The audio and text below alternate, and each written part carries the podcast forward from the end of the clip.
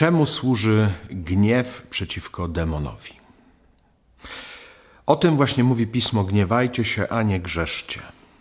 Warto mądrze używać tego świętego gniewu przeciwko demonowi, który pragnie czynić zło. Oczywiście trzeba być bardzo ostrożnym, żeby nie popłynąć w emocjach, bo gniew też nie wykonuje sprawiedliwości Bożej, nawet jak mamy najlepsze intencje. Ale jeżeli wiemy, że tego gniewu, który jest darem Bożym, używamy przeciwko demonowi, on jest bardzo pożyteczny, jeżeli chcemy z demonem zwyciężać.